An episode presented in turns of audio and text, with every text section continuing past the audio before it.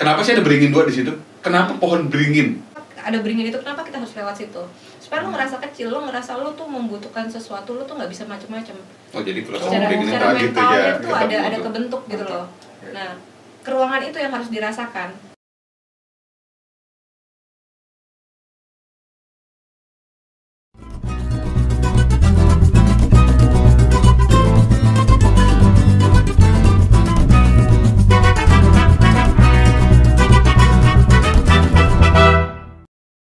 duduk sih enak, enak banget ya posisinya begini ya. Berasa jadi Tanya tuh ada kamu.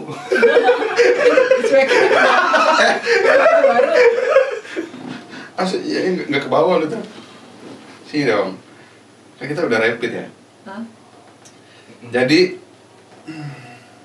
kita sebenarnya kemarin dapat pertanyaan nih dari Itong Moors tadinya mu- mungkin mau anonim cuman nggak bisa di hide ya. Jadi jadi jadi langsung kita kebaca. Karena kita tahu orangnya siapa makanya kita langsung tanya langsung. Pertanyaan ini nih ya. Ini pertanyaan ini. Kalian bisa lihat di layar. Habis itu kita coba langsung tanyakan aja. Karena kan sebenarnya dia yang nanya. Mungkin dia yang gue nanya itu karena gue nggak tahu pengen gali lebih dalam lah. Kalau lu tanya ke gue ya dong. Fair dong ya Iyalah. dia nanya ya masa kita nggak jawab? Ya kita nggak jawab lah ya. Lu nggak jawab? Gue juga ayo dong ayo dong. Jadi itu pertanyaan itu kemarin tuh soal rasa. Rasa katanya. Rasa apa tuh, Mbak? rasa yang ada. Apa rasa yang tertinggal. Mbak mbak kesibukan lu ngapain nih mbak?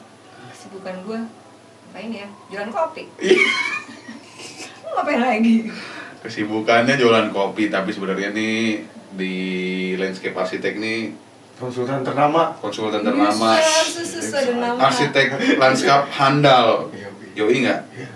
serius Lewat semua Mama Hitam. bikin jurnal bikin apa penelitian ya kan rajin banget ya kan penelitian penelitiannya bagus loh Iya. baru kalau kita bahas satu-satu penelitiannya nggak akan Beres sebulan. itu bisa jadi satu semester. Iya. karena itu menarik banget. Kalau kemarin kita ngobrol-ngobrol sama Beitong tuh. Nah, gue gak ikut tuh. Jadi ada rasa-rasa. Ada rasa-rasa. tapi lu mesti tahu juga aja maksudnya pasti lu tahu kan soal rasa. Ini kan menyangkut tentang rasa yang lu jelasin kemarin kan juga soal rasa. Gue takut takut ke mana-mana kalau bahas rasa. jadi gimana nih gimana nih lu pancing dulu lah iya nih, kemarin Mbak Itong tuh eh baca nih artikel gua katanya. Wah, tentang alun-alun. Alun-alun alun-alun keraton alun-alun keraton. tapi itu kan dari bahasan lo juga kemarin masalah kearifan lokal Nah, iya, terus kan kita Nah iya karena kita lagi bahas kearifan lokal kemarin kan prolog-prolog ini Iya. coba kita bedah satu-satu Iya. kearifan lokal ya di- di mana pun anda berada gitu kalau kita kan based on so tahu. Kalau Mbak kan sepertinya riset mendalam. Yoi. Takutnya Iya, yang nonton, takutnya yang nonton salah kaprah, salah tafsir karena nonton kita ngejelasin ngomong ke mana-mana. Mending yang riset udah mendalam aja Iya. dijelasin. Iya iya benar. Kearifan lokal yang menyambung yang nyambung sama eh alun-alun ya. Sejarah Alun- alun-alun dulu deh. Pak. Sejarah alun-alun. sebenarnya gue lebih cenderung gue mau tanya masalah kearifan lokal yang kemarin lo jelasin Hmm. yang masalah apa garis Gimana? aksis bener dong iya gue nanya masalah itu garis aksis dari sumbu utara ke selatan Iya. kan dari gunung merapi Hmm. eh dari gunung lah ya ke eh, Ke pantai. laut, ke laut. Laut. nah kan sumbu itu Ya lu gak kelihatan ya gitu ya. Lu gak kelihatan, lu kepotong gitu. Nah, itu masih gue terkait sama rasa kebetulan kemarin gue baru nulis baru nulis masalah nah, alun-alun itu punya sense of sacrality sebenarnya gue justru pengen nanya sebener-benernya gitu loh bukan jadi gue yang ditanya ini malah gue yang ditanya Iya dong. Bahkan kiblat kita dalam Oh. Mendesain. iya. gak ada hubungan sama itu Habis gimana? Sebenarnya kan kemarin juga kita udah jelasin kalau misalkan secara makna kita nggak tahu, bener nggak? Bener nggak? Kalau secara makna kita nggak tahu, tapi secara eh, kasat mata ruang kita bisa ngejelasin kalau itu tuh eh, aksesnya kuat, karakternya kuat dari Merapi sampai ke pantai itu kuat. Hmm. Kan di situ ada alun-alun elemennya, ada tugu elemennya. Nah, secara makna dari parsial parsial itu kita nggak tahu makanya kita coba tanyakan langsung kepada ahlinya ya nggak sih ahlinya gue bukan ahlinya juga sih masih ya tapi minimal kan tahu. Kita bisa kita bisa jelasin cuman mbak tega orang-orang jadi punya tafsir yang ke mana-mana. Tafsir tuh bebas kan iya sih. Namanya juga tafsir tapi kan mesti ada guideline nya tetap Pak. punya tafsir tapi punya teori-teori gitu loh. Kan kalau kita cuma kata orang ya nggak? Kalau nggak kata orang ya kata pikiran kita sendiri. Kan ngaco gitu loh. Ayo dong mbak ayo dong mbak Apa ya? ceritain dong Ya. yang mbak mau ceritain deh Yang- tentang apa Ini- ini deh yang alun-alun gue ini aja ya gue tuh sebenarnya gini eh, gue penasaran sama eh, masalah alun-alun alun-alun fungsinya masih sama nggak sih main dulu emang alun-alun yang dulu tuh kayak gimana nah kalau alun-alun dulu itu kan dibentuk terutama ini gue gue eh, apa ya perkecil sudutnya dengan alun-alun keraton ya Hmm. yang gue tahu tuh kan Iya. alun-alun keraton itu kan punya makna sendiri dan itu memang terbentuk sa- jadi satu kesatuan sama keraton Mm-mm. Nah itu uh, aksis memang di garis aksis yang utara selatan. Bahkan di Keraton Solo sama Jogja itu uh, dia ada dua alun-alun utara sama selatan. yang di Jogja ya Jogja sama di Solo. oh di Solo juga ada Ah, begitu ya Iya. utara selatan juga Utara sama selatan itu kalau nggak salah uh, dia ada kaitannya dengan sejarah Majapahit oh. dan sampai Kira lah ya. ada kaitannya sama lagu itu Karena timur ke barat oh ya copyright copyright copyright gue nggak tahan pengen gue keluarin Nggak, tapi di semua apa kabupaten berarti ya? Apa semua daerah atau beberapa Hmm. daerah mungkin alun Oh, iya. Beberapa daerah sih, tapi itu kan terkenal Jogja Jogja Jogja cuma yang yang saya tahu ya Iya, ya tapi yang gue cermati sih di Jogja sama di Solo. Yang paling gue cermati sebenarnya waktu itu eh, awalnya tuh tahun 2001 itu di Solo. 2001 itu kebetulan gue sempat ikut sama teman-teman landscape juga itu eh, sayembara alun-alun kidul. Kidul itu eh, selatan. Nah, Hmm. di selatan itu eh, setelah gue membaca teori, maksudnya teori kosmologi zaman dulu gitu kan Kosmologi, kosmologi apa? konsep konsep kosmologi itu eh, apa ya gue juga kagak tahu ya pokoknya dari orang Gue ingetnya itu lagi rice cooker. gue kan itu kelas kelas jadi konsep kosmologi itu ada yang eh, ada kan Mematangkan, kosmologi mematangkan. mematangkan Menanak-nak. penanak penanak penanak sesuatu menghaluskan nasi Halusinasi dong. Eh, lanjut, lanjut, lanjut, lanjut, lanjut. Eh, lihat dong waktunya dong. Nah, terus eh, apa sih fungsinya itu tadi tuh yang eh, setelah gue tahu dari konsep kosmologi utara selatan tuh beda biasanya utara itu lebih ke keduniawian jadi hubungan si raja itu dengan masyarakat dengan penduduk dengan pemerintahan sementara kalau yang selatan itu lebih ke apa ya kayak Belum Allah gitu. Ah ya macam itulah. Jadi ada ada yang namanya tuh bangunan Siti Hinggil itu tempat buat semedi, tempat buat intinya buat lo menuju ke alam berikutnya lah. itu Gitu. boleh dipakai sama yang bukan raja apa harus raja Aduh. Biasanya sih di semedi keluarga kerajaan yang gua tahu ya, itu raja yang yang Hmm. menggunakan di situ, yang untuk alun-alun selatan. Jadi iya uh, secara uh, sense itu kesakralan itu lebih ting lebih sakral itu yang di selatan seharusnya. Nah, tapi Hmm. kan dengan adanya perkembangan kota nih, Hmm. tahun 2001 aja itu gue nemuin yang namanya alun-alun selatan itu jadi uh, tempat pasar malam. ah iya Oh iya, tahu, tahu. Nah, maksud gue, jadi kan orang-orang bisa ngerasain nggak di situ, kecuali jadi serem gitu loh. hmm. Nih kalau yang kasusnya di uh, di Solo itu di alun-alun selatan di alun-alun selatannya ada namanya hmm, selain Siti Hinggil itu ada uh, kandang Kiai Slamet Kiai Slamet itu kebo warnanya bule Kebo bule. Nah, ya. kebo bule itu peliharaan yang apa raja gitu kan sama uh, kereta jenazah Raja Hmm, Pakubuwono nah ini biasanya tempat ini jadi serem nah cuma uh, gue nggak tahu ya dulu seremnya itu serem karena sakral disucikan karena itu kan tempat itu digunakan juga buat upacara-upacara budaya Hmm. jadi kayak apa sih gerebek dan segala macam itu kan gerbek Gerbek. sahur gerebek ya sahur apa gerebek mau Eh, gerebek acara gitu, acara mau gitu, segala macam. budaya dan Anjir, agama lah ya gerebek. gerbek sahur gerebek polisi oh iya gimana sih Tapi mbak ya terlepas dari itu semua nih. Tapi maksudnya alun-alun ini secara fungsi menurut teori hmm. yang mbak tahu, yang mbak baca nih kayak gimana mestinya?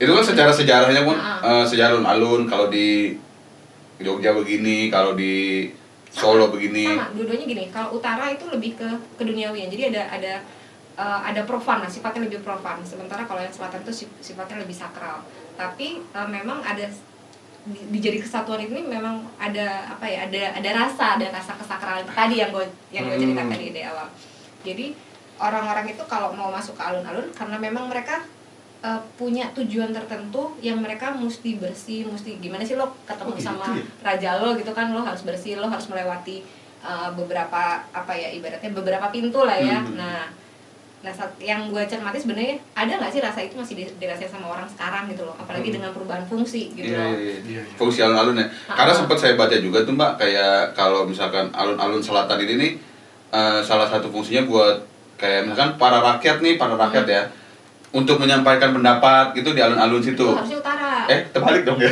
Iya, Utara. maksud, iya. nah Ada maksudnya itu emang fungsinya buat itu juga alun-alun iya, dulu uh, gitu. Buat alun apa buat uh, me- apa ya menyampaikan aspirasi Iya, rakyat. menyampaikan aspirasi. itu buat uh, apa uh, berlatihnya prajurit terus buat pertemuan raja sama pemerintahan atau misalnya sama raja-raja lainnya itu dia di daerah alun-alun itu alun-alun utara itu sementara kalau yang selatan itu lebih ke kebudayaan yang sifatnya lebih sakral keagamaan Keagamaan ada yang fungsi selatan ya. ritual utara pun juga ada ada fungsi ritualnya juga gitu loh tapi secara sak, rasanya sakral itu tadi lebih terasa kalau dari eh, konsep kosmologinya Hmm. itu yang selatan nah sekarang kan kita jadi nggak bisa ngebedain kalau gue ya Iya, gue iya, sih iya. gue ngerasa gue nggak bisa ngebedain gitu loh kecuali karena gue tahu teori karena gue tahu Hmm. sejarahnya gitu kan tapi kalau gue visit ke situ gue kunjungin ke situ apa bedanya ya itu aja Nggak ada Gua- nggak ada perbedaan nggak ya. ada gitu. perbedaan gitu loh jadi rasanya yang terus Rasa yang tertinggal. nah rasa yang tertinggal itu tidak ada gitu loh jadi terus mau ngapain ya gue justru ngerasain kayak weh kemarin ada pasar malam di situ loh bu seru bu Iya, iya. ada odong-odong Bu. Tapi Gitu. kalau dilihat kan alun-alun sekarang juga hampir di semua alun yang sekarang ya, Ah. yang ada di berbagai daerah, ya fungsinya sama. Iya. Ya itu ada. Iya, Soto iya. tangkar gitu. Iya, ada kalau yang main itu loh, ketapel yang bisa Iya, nyala itu loh. Iya kan? Tapi semua di semua alun-alun nih yang ada di Indonesia ya. Hmm. Indonesia kan di tiap-tiap daerah tuh pasti ada alun-alun. Hmm. Ada alun-alun eh, secara fungsi makna itu sama nggak sih kayak di Keraton Solo sama Keraton Jogja? kalau alun-alun sekarang sih ya tergantung ini loh alasannya membuat itu kap, apa apa terus kapan dibangunnya Hmm. karena kalau yang keraton ya alun-alun keraton itu kan memang mereka dibangun satu kesatuan sama si keratonnya sendiri Hmm, gitu hmm. kan kalau alun-alun kota sekarang tuh kayak apa ya kayak di mana ya contohnya ambil contoh misalnya kota-kota yang baru kayak Malang misalnya Hmm. Malang itu ya sebagai pusat kegiatan masyarakat gitu. Hmm. Tapi di situ ada pusat pemerintahan, ibadat tetap sih polanya sama, pasti ada pusat pemerintahan. Strukturnya pusat- sama ya, strukturnya secara sama. struktur Nah, ruang ya sama ya. Tapi untuk uh, pemisahan kayak yang di apa yang di keraton tadi agak berbeda Hmm. memang. Nah itu tadi sebenarnya yang gue lagi cari tahu itu adalah kenapa sih uh, fungsinya apa bukan kenapa tapi fungsinya masih sama nggak sih kayak dulu orang masih ngerasa sama nggak sih Iya. di situ gitu loh Di tiap alun-alun atau di alun-alun itu doang nih? Eh, yang gue perhatikan sih sebenarnya yang yang gue apa ya concern di di alun-alun kedua ke oke. alun-alun keraton Tapi mungkin maksudnya juga kayak pemerintah yang Ah. sekarang-sekarang mungkin mencoba mengadopsi Ya. eh, konsep ruang seperti keraton Ya. gitu kan sampai akhirnya ada alun-alun nih di setiap kabupaten. ya tapi kan balik lagi fungsinya kan Nah, secara fungsi ah, ini lebih mungkin nggak profan kalau yang Ah, sekarang iya tidak sih. kesakral gitu Iya, iya, iya. jadi Yang kalau bikin itu apa tuh, Mbak? Yang bikin nggak nggak ke sakral. Padahal kan kalau sakral biasanya orang strict banget ya kan kan sama ada kegiatan gitu. ya kan kegiatan pasti ada yang beda gini lo ngerasa gini deh lo lo beribadah Iya. Lo beribadah dengan ruang sajadah itu aja gitu kan Hmm. ruang sajadah lo kan merasa sakral di tempat itu Hmm. jadi dari kegiatan lo dari makna yang lo buat dari terhadap itu jadi setting tempatnya juga sajadah itu kan setting tempat lo beribadah nah dari ketiga faktor itu sih sebenarnya yang membuat itu tetap jadi sakral gitu loh Keren ya? apanya gitu kan Amin ya Allah. Tapi mungkin dia juga maksudnya kalau yang sekarang alun-alun dibuat emang eh, secara garis besar biar orang datang kumpul di Iya, tempat itu. interaksi. Cuman secara tadi kosmologinya Sense-nya ya, Ah, sense-nya karena itu udah kan beda beda ya Hmm. gitu. Karena mungkin terbangunnya bukan karena ada eh, sistem kerajaan di situ. Hmm, kalau ngomongin sistem kerajaan nggak juga sih sebenarnya harusnya gini kayak lo di mana ya kayak lo di Borobudur deh Hmm. lo Borobudur ngerasa sakral nggak sih di situ lama-lama tidur Nggak, emang kita ngerasa didongengin ini ya, nyaman nyaman gitu gimana gitu. kayak gini lo Borobudur kan bukan alun-alun tapi lo ngerasa sakral nggak di tempat itu Iya sih. lo ngerasa megah lo ngerasa wah di tempat ini gue nggak boleh main-main gue Mm-mm. berpakaian harus pantasnya yang gitu itu lo rasa itu yang sebenarnya yang gue pengen tahu kenapa di alun-alun kok nggak nggak ada itu lagi gitu loh sementara eh kalau lo tahu kan di alun-alun itu ada dua pohon beringin tuh di tengah Iya, nah kalau iya, zaman dulu ya. nah kalau zaman dulu itu kalau lo mau ngadep raja ceritanya dulu konon lo harus ke situ dulu Di tengah lewatin tengah-tengah. Nah, lewatin tengah-tengah itu gitu kan supaya Mhm. sampai mendapat izin bahwa lo layak memang lo ada sesuatu yang mau disampaikan gitu loh. Itu di utara utara ya? Itu di utara. Di utara ya? Nah, artinya gini, eh, tempat itu punya satu kegiatan yang membuat lo ngerasa sakral. Hmm. Aktivitasnya tuh membuat lo ngerasa gue nggak boleh main-main, gue nggak boleh bercanda sama tempat ini, gue harus menjaga perilaku gue. Nah, sekarang kalau lo main odong-odong di situ kan lo kan nggak bisa menjaga perilaku lo misalnya. Tapi kan gitu. sekarang ada. Eh tapi kan sekarang ada odong-odong gitu. Ya, itu justru maksud Pada kenyataannya, ya kan? Kenyataannya begitu. Dan Nah, dia serius juga duit. Nah, jadi duit. Nah sekarang kan konteksnya gimana eh, akhirnya kita nih arsitek lanskap bisa menyatakan bahwa ini tempat ini bisa loh sebenarnya kawasan ini harus di, dicagar budaya kan bukan Hmm. bangunan doang ya. Iya, iya. Kan selama ini yang yang banyak orang apa ya digaungkan lebih ini bangunan cagar budaya, Mm-mm. tapi Iya. bukan kawasan cagar budaya. Hmm. Itu maksud Bentuk gue. berapa sih? Tapi ada nggak sih kawasan jagar budaya sekarang? Kota pusaka Di mana tuh? banyak, tinggal masuk aja ke website. Iya betul. Itu paling gampang. Itu emang paling gampang ya. Tapi gini mbak, dari tadi kita ngomongin soal cagar budaya, itu sebenarnya ada nggak sih standar eh, kawasan untuk cagar budaya itu kayak gini loh? budaya ya kota pusaka tuh punya kriteria ya. kalau buka websitenya itu ada tuh uh, kriteria kota pusaka tuh apa aja jadi tahap-tahapnya untuk lo mengaj apa kota ini layak diajukan sebagai kota pusaka nah tapi kota pusaka itu tahun 2006 apa 16 ya gue juga lupa itu sudah ada uh, semacam kerjasama dengan UNESCO bahwa uh, UNESCO mengeluarkan kriteria yang ini akan diadop sama kota pusaka nah Hmm. hmm. gue memang sempat baca salah satu Yang diadop sama kota pusaka kota pusaka sendiri ini dibentuknya berarti sama pemerintahan sekarang? pemerintah nah, sama pemerintah nah salah satu yang gue baca di UNESCO itu adalah punya spirit of place jadi kawasan itu Kriterianya. kriteria salah satu salah satu kriteria itu punya spirit of place spirit itu kan roh gimana tempat itu bisa tetap seperti itu tapi bisa mengikuti perkembangannya gitu loh tanpa merubah fungsi makna dan segala macam kira gentayangan. nah Saya kira Kan spirit tuh Bukan jiwa, semangat, Iya. semangat ya, semangat tempat itu kan. Jadi kegiatan aktivitas budaya yang dijadikan pariwisata. Misalnya kayak gimana? Iya, tadi pelatihan itu. Kalau dulu pelatihan itu eh, lo rutin karena lo adalah prajurit kerajaan kerajaan A misalnya gitu kan. Nah, sekarang karena kerajaan itu hanya sebagai simbol, kan udah gak ada prajurit ini lagi nih. Iya, nah, tapi kalau misalnya itu tetap di apa ya dilestarikan, Dilestarikan. Itu udah jadi bagian pariwisata mungkin ya artinya misalnya kegiatan keprajuritan tadi jadi bagian kepariwisataan tadi prajuritnya mungkin masih ada tapi kegiatan itu tidak tidak seperti dulu gitu loh hmm. tidak seintens dulu gitu sehingga orang-orang juga tidak merasakan kenapa karena kota ini ya mengikuti perkembangan zaman Iya. nah sehingga odong-odong masuk jadinya buat latihan ya kan Emang odong-odong latihannya kayak gimana sih? Ini. Iya. Gue juga belum pernah naik. Gue disuruh dulu nggak pakai odong-odong. eh, ada Ogong-ogong aja mah digini-gini loh. Itu ini nggak sih pak? Sama kayak yang motlok ya, yang landscape as place inter apa landscape Interpretasi. interpretasi interpretasi itu sebenarnya ya itu tadi makna sih sebenarnya kan bagaimana Hmm. cara lo melihat tempat itu kan nah itu tadi yang harus dilestarikan sebenarnya kayak misalnya gini uh, kayak tadi contoh yang sada jadah gitu ya pada saat lo tidak bukan waktunya uh, lo beribadah misalnya itu sajadah jadi tempat tempat buat tidur Hmm. kan profan apa sakralnya hilang jadi profan jadi tempat biasa gitu loh. Iya. karena tadi segala sesuatu itu kan gimana caranya kegiatan lo eh, tempat lo itu membentuk satu kesatuan sehingga lo memaknai itu jadi eh, sebuah yang berarti gitu loh.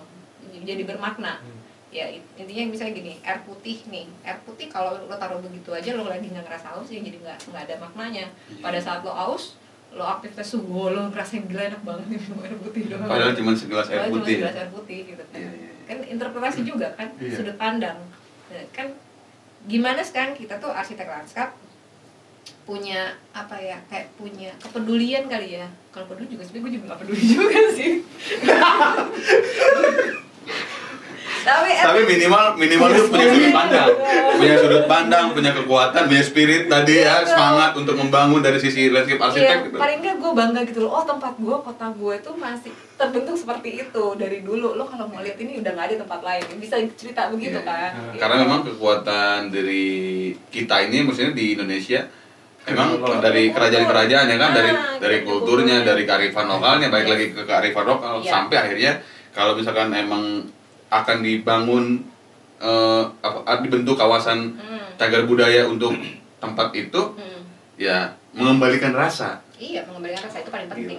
itu mungkin nggak sih karena karena sekarang karena populasi orang banyak dan Itu. dan banyak yang orang mana tinggal di Jogja terus orang Jogja tinggal di mana karena itu juga nggak sih Iya pasti urbanisasi. Hmm, Itu ah, pasti. itu nah itu kan duh apa ya Tekanan urbanisasi maksud lo. enggak kalau kalau ya sekarang mungkin kalau orang desain kawasan bisa ada landscape arsitek gitu, gitu. Zaman dulu tuh emang bener-bener dia cuma mengandalkan rasa dia. Enggak dong, kan dari kultur, Apa? dari budayanya, Dari budaya, dari gitu kosmologi. Membentuk kota tuh kan dari kosmologi. Orang semedi dulu kali ya, jika zaman dulu gue nggak ngerti dan. Oh kalau kita mungkin kayak apa ya?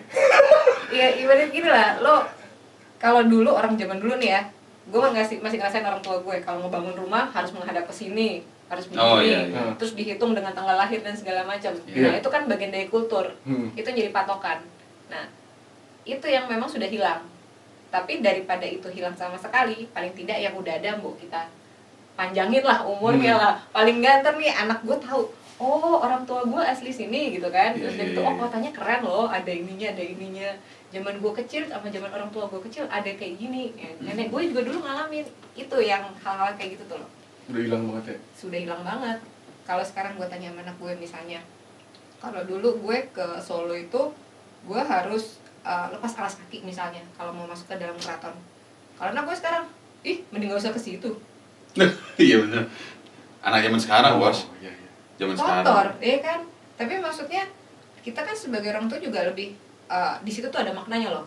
Hmm. Nah, itu mungkin di beberapa di beberapa kalangan ya termasuk gue juga kadang-kadang juga masih masih apa ya masih selip lah kadang kalau gue nggak ngeh sama hal itu gue juga nggak menyampaikan gitu loh. Nah artinya eh, ya kita sebagai arsitek landscape lah gimana caranya historic urban landscape itu bisa ada gitu loh bisa bisa diterapkan. Di Indonesia itu bisa diterapkan Menurut Mbak gimana? gimana ya gue juga nggak tahu makanya gue tanya Enggak makanya Gua- kita juga bingung ya maksudnya Nah. penerapan keilmuan kita Nah. gitu untuk penataan kawasan apa namanya tadi cagar budaya ya. Hmm, kawasan Kawasan ya kita Kawasan, bilangnya kawasan ya, kawasan. bukan bicara bangunan cagar budaya tapi bicara kawasan. Upaya kita mengembalikan itu eh, berarti kita tetap bisa berangkat dari eh, sejarah lokal Iya, sejarah-sejarahnya mungkin eh, kayak contoh deh misalkan menurut pandangan saya nih, Hmm, kenapa sih ada beringin dua di situ? Kenapa pohon beringin hmm. itu yang mesti kita gali? Ah, Ah, kan- yang mesti kita gali kan gitu. Terus kalau yang saya pernah baca-baca juga kayak misalkan di kawasan eh, Sumbu Aksis Hmm. dari Merapi sampai laut selatan eh, Laut Selatan eh, dari situ sampai Keraton itu ada jenis-jenis tanaman yang eh, punya filosofi tertentu. Iya, dan itu kita juga harus Nah, menerapkan itu. Jangan ibaratnya habis itu eh, ah pohon itu udah ngerusak ini ngerusak itu. Hmm. Tapi lo nggak mencari tahu dulu kenapa ada di situ gitu loh. Iya iya iya. Yang- Ini akarnya udah kegedean nih, udah rusak Ah. jalan segala macam. Itu yang sering kali kita arsitek lanskap itu sering kalah tanda kutip tadi ya dengan dengan apa dengan dengan kemodernisasi lah. Iya. Tapi mungkin kalau- dulu. Mungkin marketnya sekarang lagi nggak di situ gimana coba? loh perkara market mah bodo amat kan market bisa ngikutin kita Hmm. dulu ibaratnya gini dulu nggak ada nggak ada telepon lah lo bisa kan ketemu teman lo Bisa. janjiannya itu Iya. Nyamber Reja, Reja gitu. Tapi dulu ya, yang nemuin telepon Alexander Graham Bell kan, dia tahu telepon itu berfungsi, telepon siapa ya? Anjing penting banget. itu sih maksud gue maksudnya Iya, iya, iya. eh, lebih ke apa Kita ya bentuk marketnya ya. kita yang membentuk market Iya benar-benar setuju saya. kita yang harus ibaratnya storytelling lah kalau Iya. kita Iya.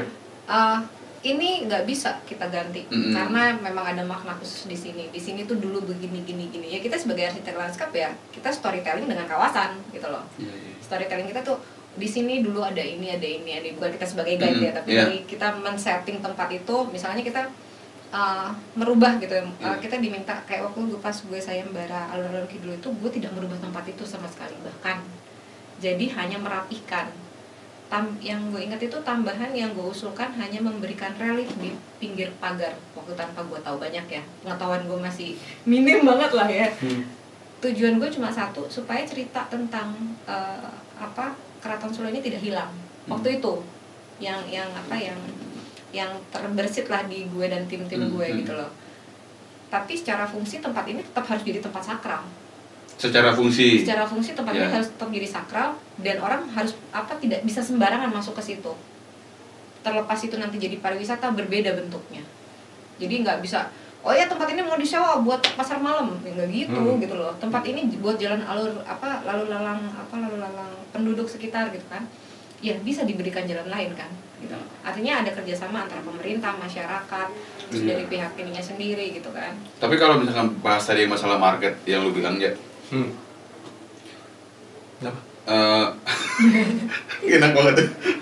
Market yang lu bilang nih maksudnya kayak gimana nih? Maksudnya sekarang kan orang kayaknya kalau kuno ah kayak gitu. Iya, iya kan. Kita nggak bisa nggak bisa bilang enggak itu orang Iya, kan orang punya punya pendapat Ya kayak tadi aja tuh Oh. anak nyembah nih mau masuk ke Hmm. itu buka sendal aja bilang Hmm. ngapain mending gak usah ke sini kan gitu. Ah. kayak ah gak mau gitu kayak bagas nokta meta perkawinan bagas gak mau sekolah kayak gitu tapi balik lagi Ini orang, orang hidup di tahun kapan ya? Kok tahu ya film itu? gue juga ganggu loh Gue aja nggak ngerti. Iya kayak gitu kan dianggap sekarang yang yang yang yang dekat dengan budaya dianggap kuno. Terus dia yang yang keren itu ya kalau lo berkiblat ke barat-baratan gitu. Nah. Padahal kita orang timur. Emang emang orang timur gitu? Iya. sebenarnya Iya lah. Kenapa lu ragu? Gitu. Karena dari struktur muka lu bukan orang timur, lu orang Uzbek. Anjir, lagi. halo itu Iya iya iya. Ya kayak gitu gitu mbak. Maksudnya eh, upaya-upaya yang kayak gitu apa perlu kita Hmm, bukan sebenarnya bukan dari kita Iya eh, sih ya. bukan cuma dari kita gitu, bukan Ya. dari kalangan kita, memang dari mungkin dari sisi eh, eh, dari kalangan. lini ber- berbagai lini gitu. Nah. Entah itu dari pemerintahnya, dari kebijakannya segala macam. Ba- ngebalikin eh, kalau emang dia punya spirit untuk mengembalikan Ya. mengembalikan itu menjadi kawasan cagar budaya, Hmm.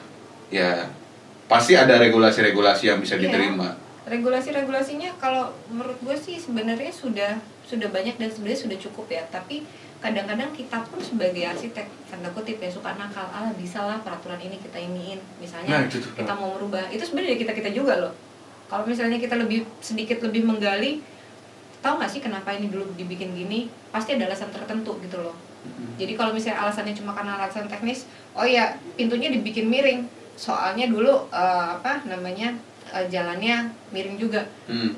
ya miringnya kenapa Iya. pertanyaan itu harus digali terus nah ya nggak nggak menurutku apa ya Kenapa pintunya cuma segini Ah, gitu kan? gitu ya? kan. Kan pasti ada Badan kita mesti miring apa Ah, gimana gitu ya? mungkin kir- karena kita memang harus ya kayak ada beringin itulah ada beringin itu kenapa kita harus lewat situ supaya lo ngerasa kecil lo ngerasa lo tuh membutuhkan sesuatu lo tuh nggak bisa macem-macem Oh jadi proses secara secara kayak gitu mentalnya ya? tuh kita ada ada butuh. kebentuk gitu loh nah keruangan itu yang harus dirasakan Dan itu tidak berskala bos.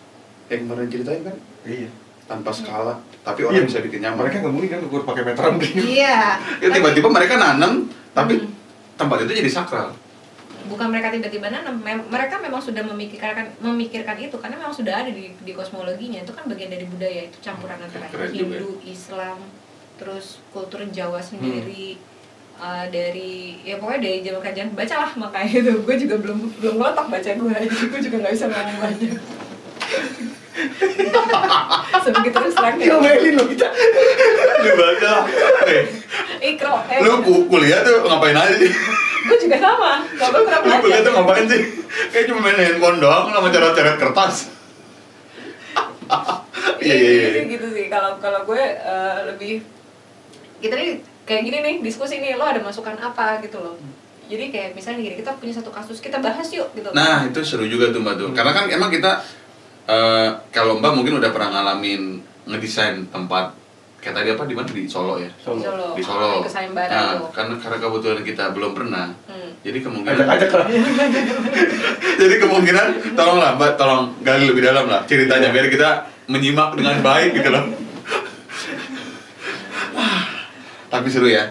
Hmm. Kalau emang kalian mau masih penasaran nih sama cerita-cerita begini nih, Kita, kasih alamat rumah Mbak itu.